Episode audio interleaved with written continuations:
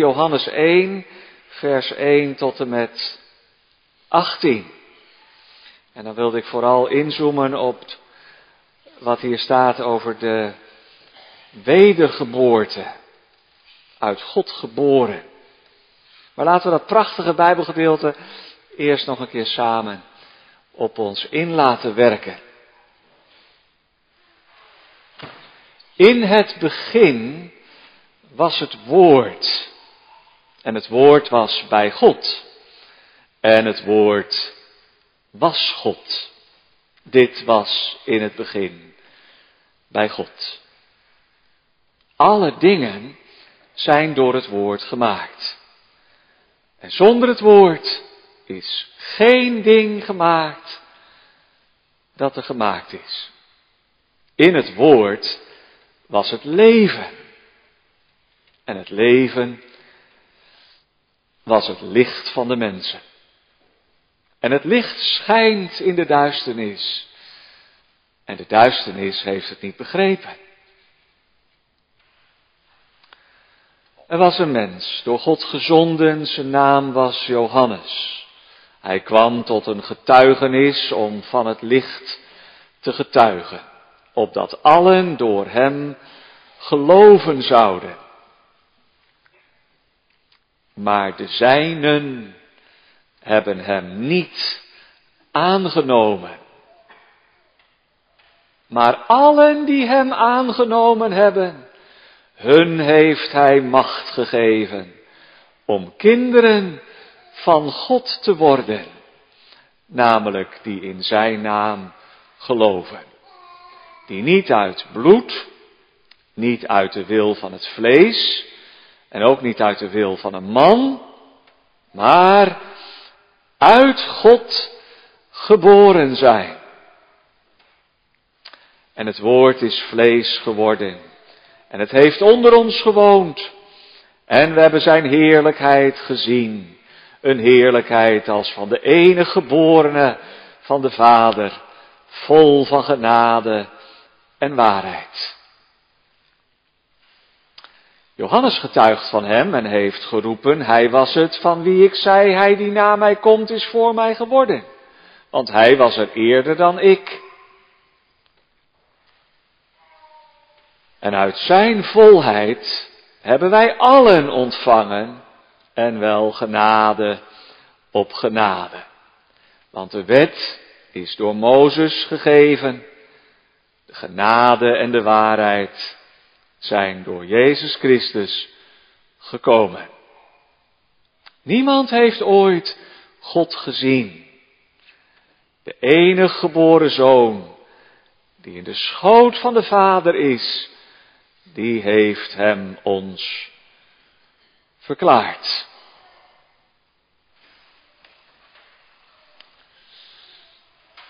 Later in het Johannesevangelie vind je dat gesprek met Nicodemus in de nacht.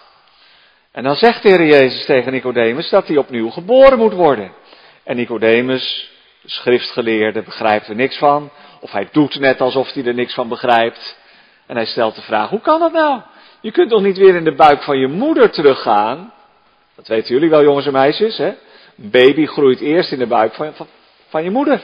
Daar ben jij ook gegroeid. Maar je kan toch niet weer teruggaan en opnieuw geboren worden? En dan legt de Heer Jezus uit wat die wedergeboorte uit water en geest betekent. Maar ook in de proloog van het Johannesevangelie gaat het al over de wedergeboorte. Daar willen we vanmorgen bij stilstaan. En we lezen nog een keer de versen 11 tot en met 13 uit Johannes 1. Hij kwam tot het zijne, maar de zijnen hebben hem niet aangenomen. Maar allen die hem aangenomen hebben, die heeft hij macht gegeven kinderen van God te worden.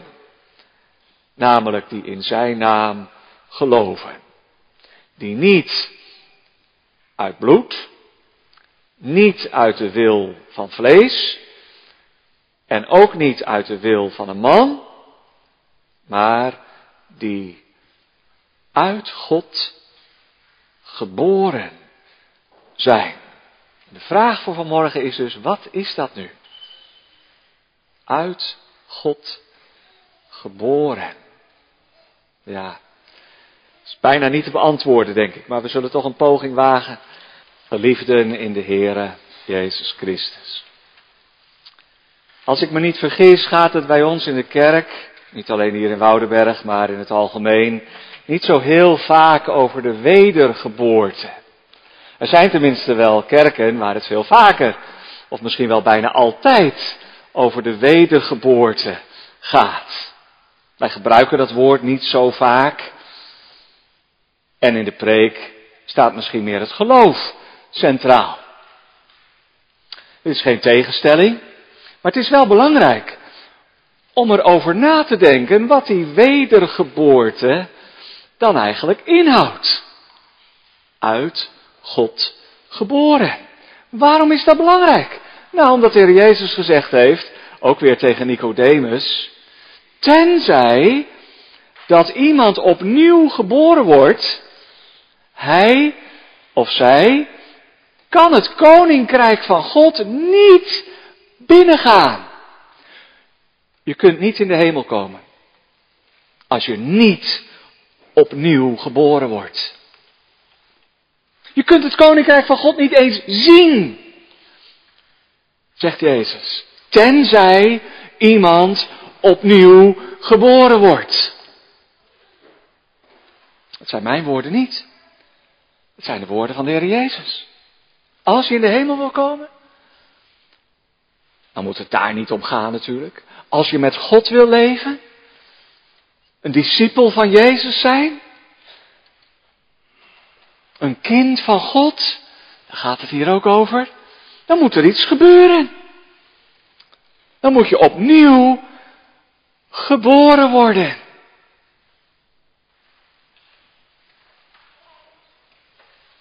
En dat brengt ons bij de indringende vraag, laat ik die maar meteen aan het begin van de preek stellen. Ben je eigenlijk wel opnieuw geboren? Misschien ben je 70 of 75 jaar. Dan kan het nog wel, maar als het nog niet zo is, dan wordt het wel tijd. Dan misschien ben je 17. Dan sta je midden in het leven. En ben je best wel bezig met het geloof. En je gaat naar de kerk en je hebt er niet eens een hekel aan. En je wilt best wel christelijk leven. Maar Jezus zegt dat je opnieuw geboren moet worden. Dat is toch wel iets anders, meer. Ja, wat is dat? Ben jij opnieuw geboren op je zeventiende? Zo niet, dan kun je het koninkrijk van God niet binnengaan. Zo kun je niet sterven. Je kunt het niet eens zien dat God koning is als jij niet opnieuw geboren bent. De Jezus is toch glashelder? Tenzij iemand opnieuw geboren wordt, hij kan het koninkrijk van God niet zien. En dat zegt hij tegen een dominee. Een schriftgeleerde, Nicodemus. Misschien moeten we het er eens over hebben. Of ook thuis, na de dienst, dat jullie aan je vader en moeder vragen, papa, mama, pa, ma, wat zeg je tegen je ouders? Bent u opnieuw geboren? Zou je dat willen vragen aan je vader of moeder, of allebei, na de dienst? Dat ze het gesprek er ook over hebben. Wat is dat? Opnieuw geboren worden. Ik hoop dat de preek daar dan ook wel een beetje bij helpt, natuurlijk. Want als ik de Bijbel doorga, dan zou ik zomaar vijf dingen kunnen noemen. Ik noem ze alleen maar even, want het gaat om de tekst. Over die wedergeboorte. Het zijn allemaal verschillende metaforen, voorbeelden. Uit de natuur of uit de biologie. Het eerste waar ik aan denk is een nieuw hart. En dat gaat niet over een hartoperatie. Maar de Bijbel zegt dat we een nieuw hart nodig hebben, omdat we een stenen hart hebben en een vlezen hart nodig hebben. Dat belooft de Heer zelf aan ons te geven. Door zijn geest. Heb jij een nieuw hart? Of is je hart nog hard van steen? Of is het zacht gemaakt door de genade en de liefde van God? Je zou ook kunnen denken aan het woord bekering. Letterlijk, veranderen van richting. Omkeren. Dat heeft ook met wedergeboorte te maken. Wedergeboorte en bekering en geloof zijn woorden voor hetzelfde. Verschillende kanten van dezelfde zaak. Ga terug, staat er op het bord bij de snelweg als je bij Maren of Maarsbergen erop rijdt. Groot bord, heb je wel eens gezien? Ga terug. Want als je doorrijdt, dan word je een spookrijder. Dat is levensgevaarlijk. Bekering, verandering van richting.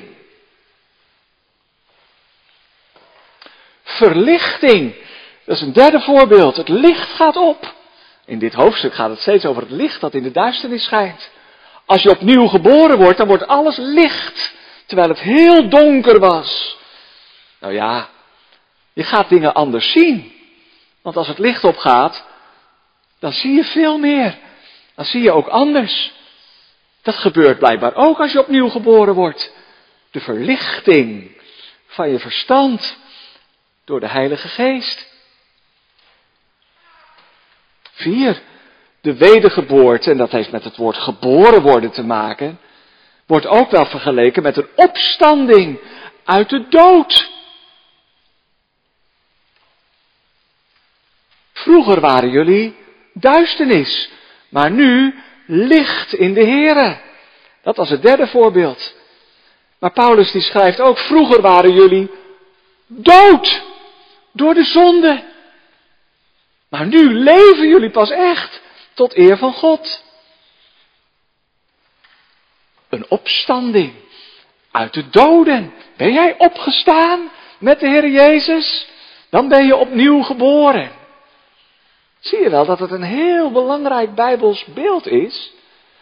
En misschien is het wel onterecht dat we zo weinig, als dat inderdaad zo is, dat we er zo weinig over horen. Nog één beeld, en dat zijn weer de woorden van de Heer Jezus. Die kennen jullie ook wel, denk ik. Als hij zegt dat wij moeten worden als een kind. En soms, jongens en meisjes, neemt de Heer Jezus dan gewoon een kind uit die menigte van mensen, stel je voor dat jij dat zou zijn, bij zich. En dan zegt, kijk eens naar dit kind. Hoe enthousiast het is, hoe blij het is, hoe vertrouwend het is. Een kind is helemaal niet bang. Nou ja, misschien was het ook wel een beetje eng om zo naar voren geroepen te worden. Maar wij moeten worden als een kind. In ons vertrouwen op God.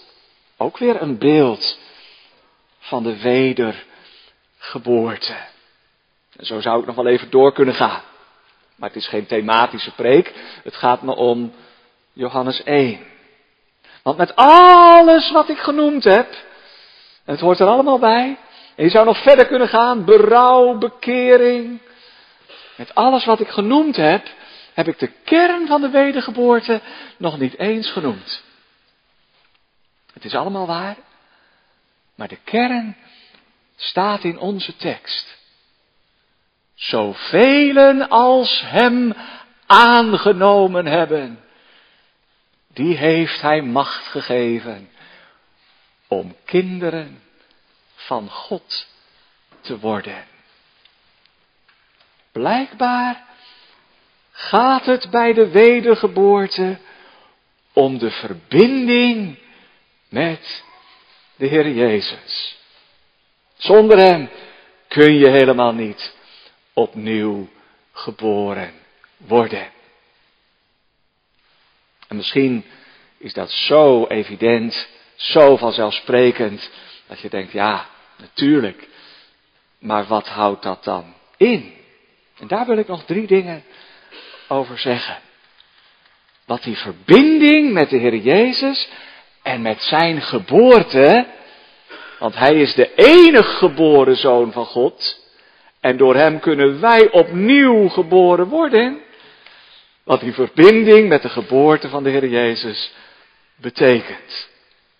En het eerste, dat is een contrast tussen degenen die Hem niet hebben aangenomen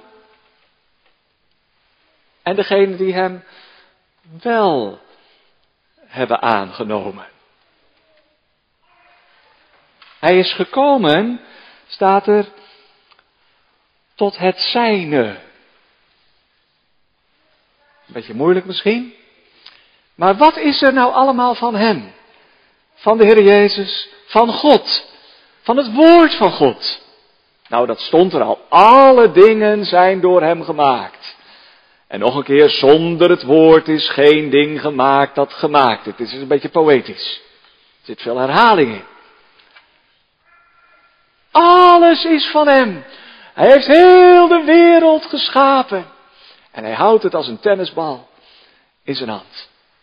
Wonderlijk is dat. Maar nu heeft God niet alleen de hele wereld geschapen, hij is gekomen.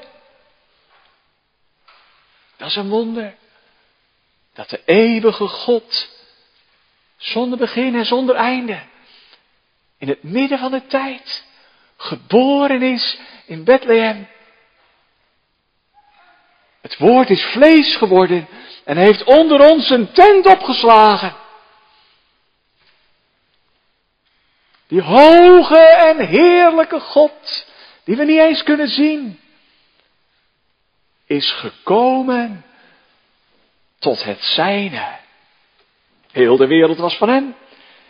En je zou bijna zeggen, hij kwam eens kijken hoe het er was. Hij kwam op huisbezoek in zijn eigen wereld. Net alsof je een nieuw huis gekocht hebt en je gaat eens kijken bij de nieuwbouw hoe het ervoor staat. Ja, het is nog niet van je, maar je bent wel heel nieuwsgierig. Dat, dat hebben wij ook zo ervaren afgelopen maanden. En dan ga je verhuizen en dan, ja, dan kom je tot het jouwe. Zo is de Heer Jezus gekomen naar zijn wereld. Hij had er recht op. Het was zijn eigendom. Had een vreugde dat God zelf gekomen is naar zijn huis. Verhuisd uit de hemel naar de aarde. Maar wat aangrijpend dan, hè? En je voelt de tragiek, ook in Johannes 1. Maar de zijnen. Dat zijn wij mensen. We zijn ook van Hem. Door Hem geschapen. Door Hem gemaakt. Maar de zijnen hebben Hem niet welkom geheten. Er was geen plaats voor Jezus in de herberg. Ga maar weer weg. Ga maar weer terug naar de hemel. Geen behoefte aan. Alsof je nieuwbouwhuis gekraakt is. Door mensen die er geen recht op hebben. En een ander slot op de deur gezet hebben. Zodat je er niet meer in kan. Zo is deze wereld gekraakt. Door een stelletje krakers de zijnen, en dat zijn wij, hebben hem niet aangenomen. Je zou misschien, maar dat voert te ver voor vanmorgen, ook wel kunnen zeggen dat de zijnen in het bijzonder Israël betreft. Zijn eigendom, zijn eigen volk. En dat de tegenstelling hier is tussen het ongelovige deel van Israël en het gelovige deel van Israël en de heidenen die wel Jezus hebben aangenomen. Maar nogmaals, ik moet me concentreren op die wedergeboorte. En wat is dat nou? Tot onze grote verrassing zijn er ook uitzonderingen. Onder die krakers, die deze wereld die van God is, in onrechtmatig bezit hebben genomen en niet op Hem zitten te wachten. Dat gaat over jou en mij. Onder die krakers zijn er toch anderen. En dat staat in de tekst. De zijnen hebben hem niet aangenomen, maar zoveel als er hem wel aangenomen hebben, die heeft hij macht gegeven, kinderen van God te worden, namelijk die in zijn naam geloven. Wat is dus de kern van de wedergeboorte? Dat is niet een proces, dat is een feit. Hier in de tekst gaat het eigenlijk niet om het proces van de wedergeboorte. Hoe is dat nou allemaal precies gegaan? Maar om het resultaat. Dat zijn de kinderen van God. Misschien gaat het ook wel in sommige kerken te veel over het proces van de wedergeboorte. Hoe gaat het allemaal in zijn werk? Wat maak je dan mee? Hoe voelt dat allemaal? Hoe gebeurt dat allemaal? En nogmaals, we kunnen als christenen van elkaar leren en ik hoef dat niet te veroordelen, gaat het helemaal niet om. Maar het is net alsof je, ik weet niet hoe, jullie dat hebben, maar misschien dat de mannen dat wel herkennen, maar het is net alsof je op kraamvisite gaat. En dat hoeft van mij dan echt niet, dat je met geuren en kleuren die hele bevalling uh, gedeeld wordt. Dan denk ik, nou ja, het zal wel, dat kind is geboren en daar kom ik voor om dat te zien. Het is maar even een voorbeeld. En nou ja, als vrouwen dat onder elkaar willen delen, dat is mij ook best verder. Maar dat hele proces, ja, als man ik heb er zes keer naast gestaan. En toch, je staat erbij, je kijkt ernaar. Het is inderdaad een godswonder als een kind geboren wordt. Maar je kunt zo bezig zijn met hoe gaat dat nou allemaal precies in zijn werk. Dat je eigenlijk het resultaat vergeet. En hier in de tekst gaat het om het resultaat van de wedergeboorte. Die heeft hij macht gegeven om kinderen van God te worden. Hoe dan? Nou, dat was het eerste, namelijk die in zijn naam geloven. Zo eenvoudig is het toch ook maar weer, ook al kun je vanuit de Bijbel wel vijf of wel tien dingen erover zeggen. Over hoe dat allemaal gaat en wat er allemaal voor nodig is en wat er allemaal gebeurt. In essentie komt het aan op geloof.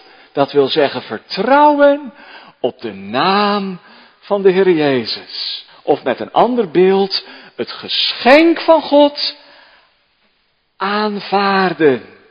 Die zijn enige geboren zoon gegeven heeft. En dat we hem ontvangen. Of dat we geloven dat hij is wie hij is. Geloven in zijn naam, dat betekent eigenlijk erop vertrouwen dat hij inderdaad de enige geboren zoon van God is. Net als eh, bij de paspoortcontrole op Schiphol. Altijd een beetje spannend moment. Ook al weet je zeker dat alles goed zit en je geen uitstaande boetes hebt. Als die marechaussee dan streng kijkt naar je paspoort en naar je gezicht. En dan mag je weer door. Maar als hij nou zou vragen, ja maar uh, ben jij dat eigenlijk wel? Klopt dat eigenlijk allemaal? Ga maar eens even mee naar dat kamertje, want ik moet het even uitzoeken. Nou ja, als je dan een vals paspoort hebt, dan hang je. Nou, dat beeld even. Het gaat hier om geloven en op vertrouwen dat de Heer Jezus geen vals paspoort heeft, als ik het zo maar mag zeggen. Dat Hij is wie Hij is. Geloven in de naam van de enige geboren Zoon van God. Staat er verderop in het Johannesevangelie. Dat betekent geloven dat Hij inderdaad is wie Hij is. De Zoon van God. De zijnen, dat waren wij, de krakers, hebben Hem niet aangenomen. Die hebben gezegd, Jezus is helemaal niet de Zoon van God, dat klopt niet. Een valse identiteit, hij is de Messias niet. Dat kan niet. Want hij is gekruisigd en gestorven. Maar degenen die hem aangenomen hebben, die gezegd hebben, hij is wel wie hij zegt die hij is. Hij is het wel, de Messias. Die in zijn naam geloven. Die hem hebben aangenomen als het woord dat gekomen is in deze wereld. Die gezegd hebben, welkom Heer Jezus, welkom. Want ik kan u niet missen, ik kan niet zonder u. Ik heb u nodig elke dag. Degene die hem aangenomen hebben die zijn opnieuw geboren. Die zijn uit God geboren. En daarom is het heel belangrijk om het bij elkaar te houden. Als ik vraag, of als jullie en je vader en moeder straks vragen, bent u opnieuw geboren? Dan zouden ze zomaar kunnen antwoorden. Al vind je dat misschien moeilijk om dan te zeggen. ik ben een kind van God, of ik ben opnieuw geboren, dan zouden ze zomaar kunnen zeggen, dat hoop ik dan wel. Ik heb de Heer Jezus nodig. Ik kan niet zonder Hem. Dat is nou hetzelfde. Twee kanten van dezelfde zaak. Laat ik je bemoedigen. Als je in de Heer Jezus gelooft dat Hij de Zoon van God is. Als je Hem nodig hebt, omdat je Hem niet kunt missen als zaligmaker, als heiland. Dan ben je ook opnieuw geboren. Ook al ben je niet gewend om dat zo te zeggen. Dan ben je ook, en dat is de verwondering in de tekst, een kind van God. Want dat is het tweede wat ik erover wil zeggen van vanuit Johannes 1. Waar komt dat dan vandaan? Die wedergeboorte is eigenlijk belangrijk om ons uit te leggen waar dat geloof vandaan komt. Dat heb je niet van jezelf, alsof je zou kunnen zeggen, ja, die anderen dat zijn allemaal krakers, maar ik ben de gunstige uitzondering, want ik heb het tenminste wel gedaan. Ik heb het tenminste wel geloofd. Ik ben beter dan de rest. Nou, dat geloven de anderen ook al, dat christenen zichzelf beter vinden dan de rest. Maar dat is niet zo. Dat heb je niet van jezelf. En daarom gebruikt de Bijbel zo vaak dat andere woord voor het geloof, of voor de bekering, of voor de verlichting van de Heilige Geest, of noem het maar allemaal op. Dat andere woord, wedergeboorte, dat wil nou juist uitdrukken. Dat heb je niet van jezelf, dat heeft God gedaan. Jongens en meisjes, weten jullie nog dat jullie geboren zijn? Nee, ja, daar weet je niks meer van. Dat is maar gelukkig ook, denk ik. Dat je daar geen herinnering aan hebt. Je hebt wel foto's gezien natuurlijk, toen je pas geboren was. Maar hoe dat ging, dat weet je helemaal niet meer. Je moeder weet het nog wel. Maar het punt is, daar heb je zelf niks aan gedaan. Je bent, je werd, passief, zelfs in onze taal, hè. Je werd geboren. Je hebt jezelf niet geboren, dat kan helemaal niet. Je bent geboren. Je werd geboren. Dat is een geschenk. Dat heb je niet van jezelf. En daarom benadrukt Johannes ook met drie verschillende uitdrukkingen. Er zit herhaling in. Ik zei het is een beetje poëtisch Bijbelgedeelte. Niet uit het bloed. Eigenlijk staat er in de grondtekst een meervoud. Niet uit de bloeden. Niet uit de wil van het vlees. Niet uit de wil van een man. Maar uit God geboren. Er is veel over gespeculeerd waarom dat er nou drie keer staat. Misschien dat Johannes ook een beetje zoekt naar woorden om dat tot uitdrukking te brengen. De gedachte was, ik heb dat twee weken geleden geloof ik ook even genoemd, dat in de voortplanting het bloed een bepaalde rol speelde, de stuwingen van het bloed. Dat je het er warm van krijgt, zullen we maar zeggen. Ja, is dat nou biologisch, technisch zo? Het gaat ook hier niet om voorlichting in biologische zin natuurlijk. Maar dat was de gedachte. Dat het met het bloed te maken had, of misschien wel met de menstruatie. Zou ook kunnen.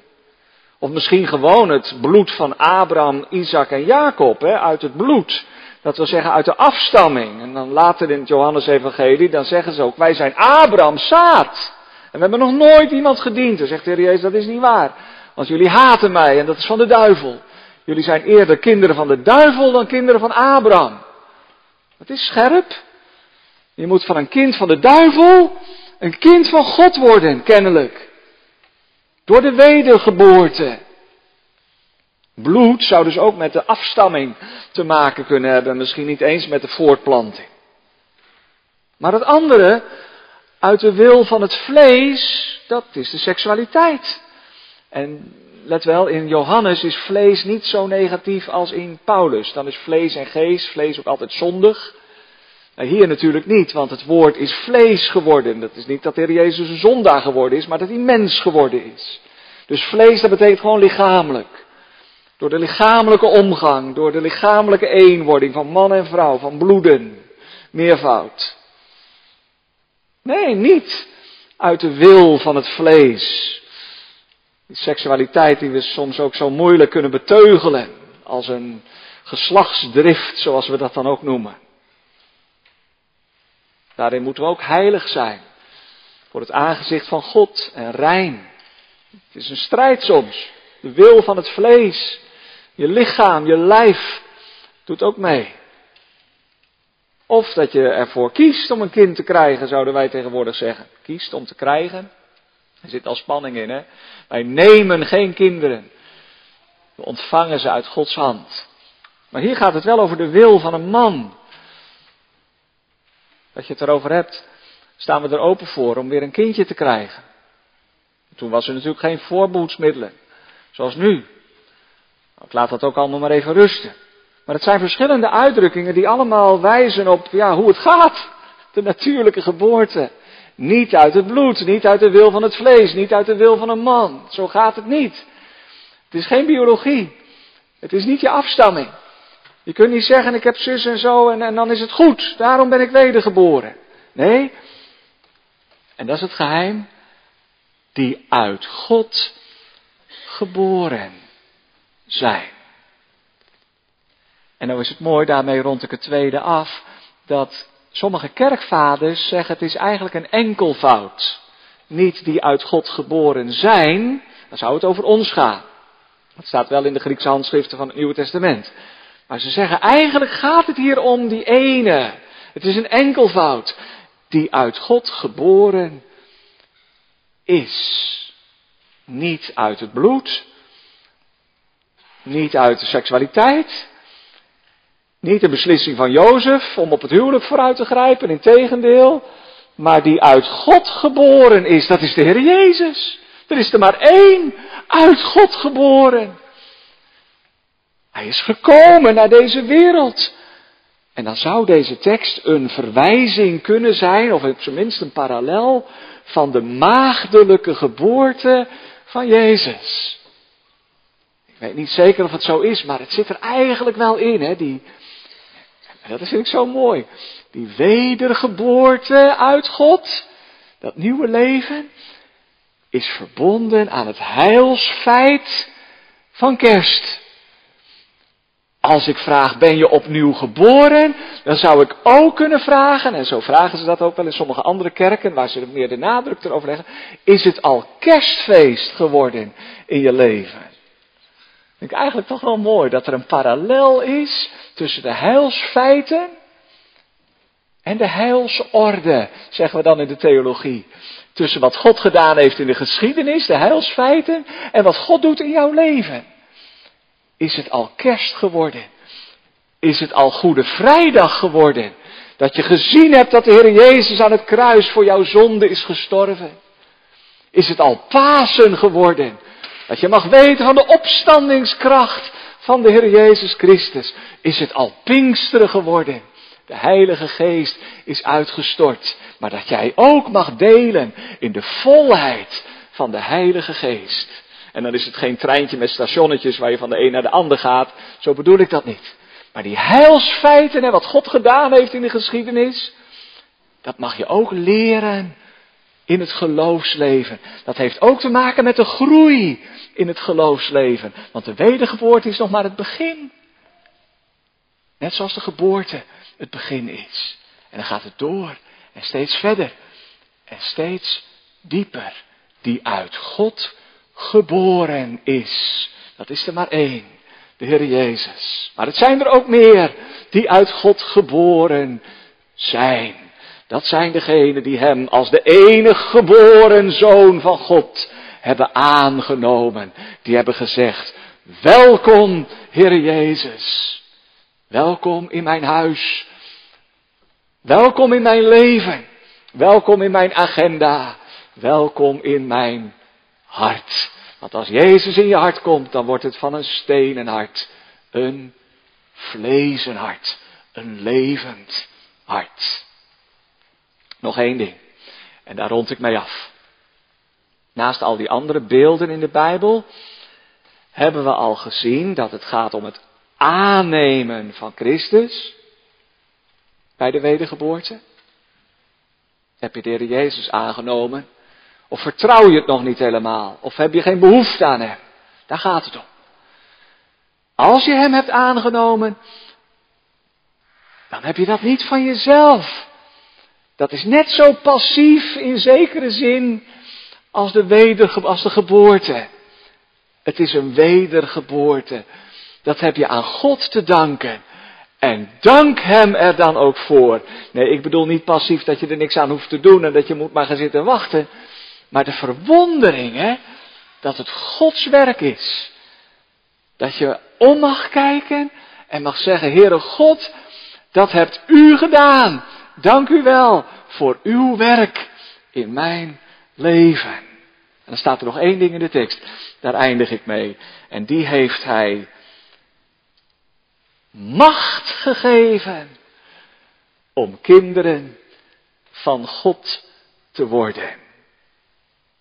Sommige uitleggers die zeggen het is een keus. Jij hebt de macht, maar je hoeft het niet te doen.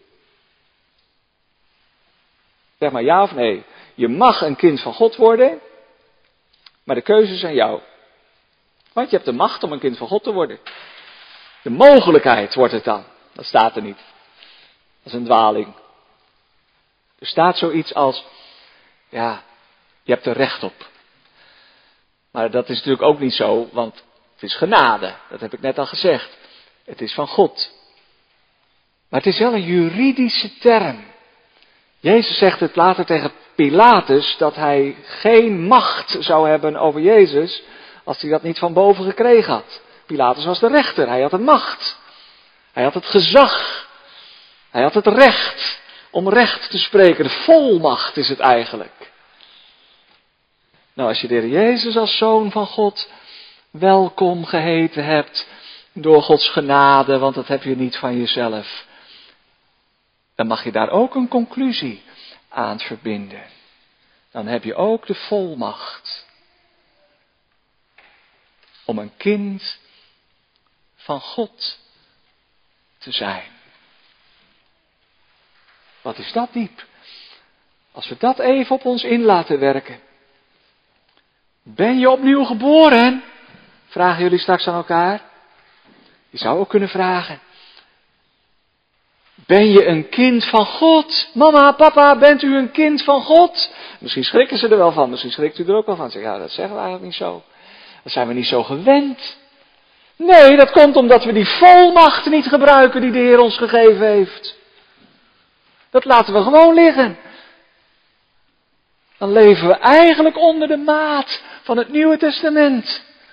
Als we de volmacht, het recht, het voorrecht dat de Heer ons gegeven heeft, niet eens durven uit te spreken. Ja. En ik zeg erbij, Heere, dank u wel. Ik ben een kind van God. Durf je dat te zeggen? Als je gelooft in de Heer Jezus, als je Hem niet kunt missen, als je door Zijn genade Hem hebt aangenomen, durf je het dan te zeggen? Het is een voorrecht. Ja, ik ben een kind van God. Nou zeggen, dat durf ik niet, zo praat ik er niet over, dat vind ik eigenlijk veel te hoog gegrepen. Nou, dat is een belediging van de Vader. Dan laat ik het even heel ronduit zeggen. Als wij niet, als we wel in de Heer Jezus geloven en niet durven te zeggen dat we een kind van God zijn, dan beledigen we daarmee de Hemelse Vader. Weet je wel wat het hem gekost heeft? Al zo lief heeft God die vijandige wereld gehad, dat hij zijn enig geboren zoon gegeven heeft. En zeg je dan, nee, dank u wel? Of ik heb hem niet nodig? Of ga mijn deur maar voorbij? Of zeg je, en dat klinkt heel bescheiden, oh, dat is voor mij veel te groot. Alsof je een cadeau krijgt en je zegt erbij, veel te gek. Dat had niet gehoeven. Ja, maar als je dat cadeau dan echt niet aanneemt en weer teruggeeft, dan beledig je toch degene die het gegeven heeft. Dat kun je toch niet maken?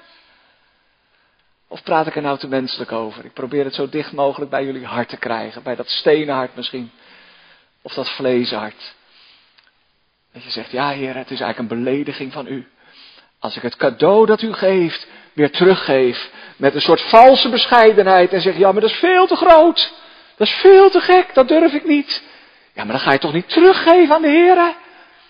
Zoveel als hem aangenomen hebben, die heeft hij macht gegeven. En waag het niet, zou ik bijna zeggen, om dat voorrecht dat God je gegeven heeft, weer terug te geven aan hem. Die heeft hij macht gegeven om kinderen van God te worden. Nee, dat heb je niet van jezelf. Niet uit het bloed, niet uit het vlees, niet uit de wil van een man, maar die uit God geboren zijn. En we hebben zijn heerlijkheid gezien, zegt Johannes dan. De heerlijkheid van de enige geborene van de Vader. Het gaat er ook niet om of ik een kind van God ben. Het gaat ook niet om mij. Om mijn bekering, om mijn geloof, om mijn wedergeboorte.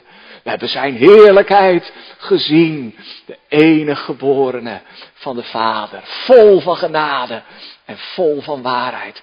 En om Jezus wil durven we niet meer ontkennen.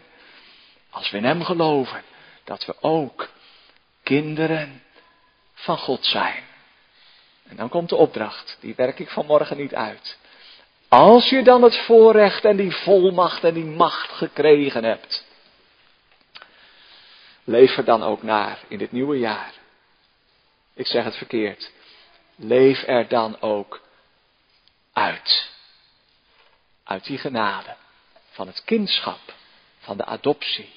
En zeg elke dag, Heere, dank u wel dat ik ook een kind van God mag zijn. Want dat is alleen maar om Jezus wil. Amen.